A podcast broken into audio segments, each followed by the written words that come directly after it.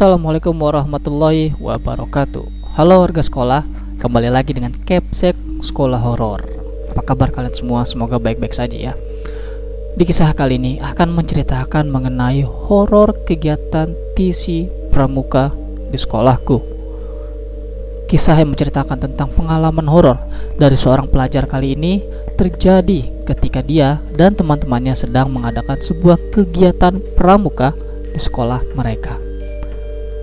Cerita ini bersumber dari akun Twitter @lavayamgeprek2. Sebelum kalian mendengarkan cerita ini, Capsek akan berterima kasih untuk like, share, dan komen kalian di video ini. Lanjut saja, saatnya kelas dimulai. Jadi, buat yang nggak tahu TC itu apa, jadi TC itu singkatan dari Training Center yang tujuannya buat adik kelas yang mau jadi panitia kegiatan. Jadi Sabtu itu aku jadi panitia perlengkapan buat TC ini. Iya, jadi panitia yang mengurus segala keperluan kegiatan. Nah, sore itu panitia perlengkapan mau buat api unggun buat malam kan. Jadilah para cowok-cowok ke belakang sekolah. Dan for your information, belakang sekolahku itu ada pohon asem, pohon kapuk, pisang, empang, dan lain-lain. Dan mereka potong dah tuh ranting-ranting sama batang pohon. Tapi ternyata cara mereka itu yang membuat para penghuni di sana jadi marah. Soalnya mereka potongnya nggak permisi dan banyak mengucapkan kata kotor ya malum lah cowok tuh kayak gimana. Nah udah jadi kan tuh api unggun. Semua peserta ngumpul ngelingkarin itu api unggun. Terus ada juga sound buat muter lagu-lagu pramuka.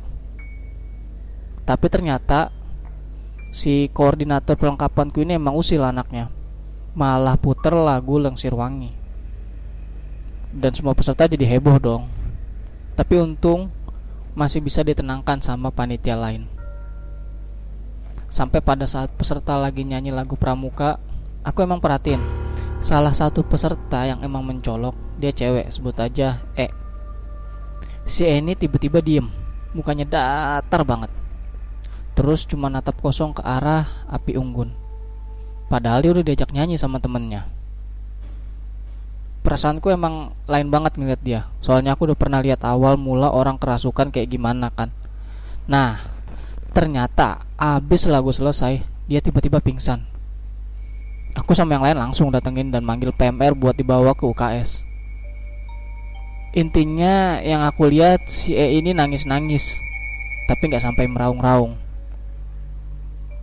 Abis si E dibawa tiba-tiba anak yang lain sebut aja si F juga tiba-tiba pingsan. Kali ini aku bantu bawa tuh anak ke UKS. Nah, sampai di UKS aku lihat si E ini tidur sambil ditemenin sama panitia cewek lain. Sedangkan si F dibawa di ruang PIK yang masih satu ruangan di UKS. Nah, kalau si E ini kan kerasukannya anteng. Sedangkan si F ini agak ngeri. Aku sama teman-teman bacain doa. Aku tekan kakinya malah berteriak, nyaring banget plus meraung-raung. Lagi asik-asiknya bantu si F, ternyata datang lagi peserta lain yang kerasukan. Sebut aja si K.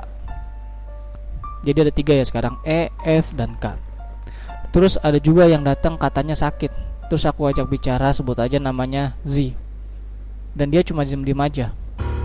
Dan gak konsen sama aku Jadi aku pikir dia mungkin kecapean Dan singkat cerita aku lagi briefing kegiatan dengan yang lain. Sedangkan teman-temanku lagi ngaji di UKS. Pokoknya mereka tuh ngaji dari jam 12 malam sampai jam 2 kalau nggak salah. Nah, kemudian ingat panitia yang aku bilang temenin eh kan? Dia juga kena rasuk.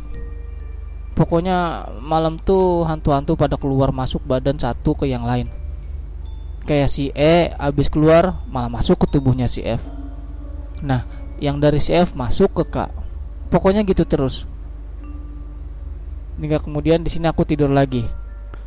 Aku terus diceritain sama temanku yang ngaji. Ternyata mereka tuh marah sama panitia perlengkapan yang ngurus api unggun. Karena mereka udah kurang ajar. Terus mereka bilang kalau kita nggak boleh buat posko di belakang sekolah kalau sampai mereka lihat lagi itu bakal lebih ngeri. Begitu kata temanku. Nah penunggu yang marah ini lebih tepatnya dari satu keluarga yang mendiami pohon asem. Tapi emang itu udah jadi urban legend sekolahku. Jadilah kita pindahkan posko karena nggak berani diteror lagi. Di situ kondisinya udah mulai tenang. Tapi yang habis kerasukan gak kita izinin buat masuk ke posko karena takutnya ada hal aneh lagi. Cerita lain dari kerasukan itu ada beberapa peserta yang ditinggalin di kelas kosong sendiri buat jadi bantara Nah, salah satu peserta cowok itu ditempatin di bagian kelas paling ujung dekat kamar mandi dan pohon asam juga.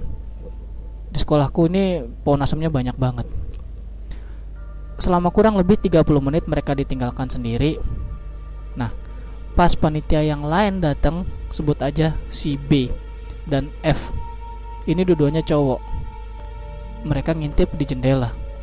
Dan mereka ngeliat kalau nih anak tuh posisinya lagi duduk sambil meluk lutut. Tapi di atasnya itu kayak ada yang meluk gede hitam kata temanku. Bukannya nolong mereka malah lari karena takut. Tapi habis itu kembali lagi dengan pasukan yang banyak. Pas tuh anak ditanya apa yang dirasain dia bilang kayak ada yang naik ke pundaknya gitu. Berat banget pokoknya. Untung aja nih anak kuat nggak kerasukan. Bisa berabe kalau campur sama kerasukan yang lainnya.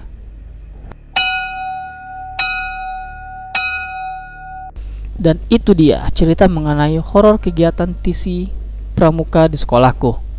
Nah lagi ya, terkadang di mana pun dan kapan pun kita memang tidak boleh untuk mengucapkan kata-kata kotor atau yang tidak pas lah ya.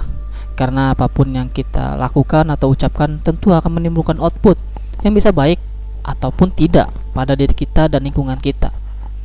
Terima kasih buat kalian warga sekolah yang telah mendengarkan cerita ini dan terima kasih juga kepada akun Twitter @lavayamkuprek2 yang telah memberikan kami izin untuk membacakan cerita ini. Jangan lupa like dan share video ini agar warga sekolah horor semakin bertambah. Dan sampai jumpa di kelas berikutnya. Wassalamualaikum warahmatullahi wabarakatuh.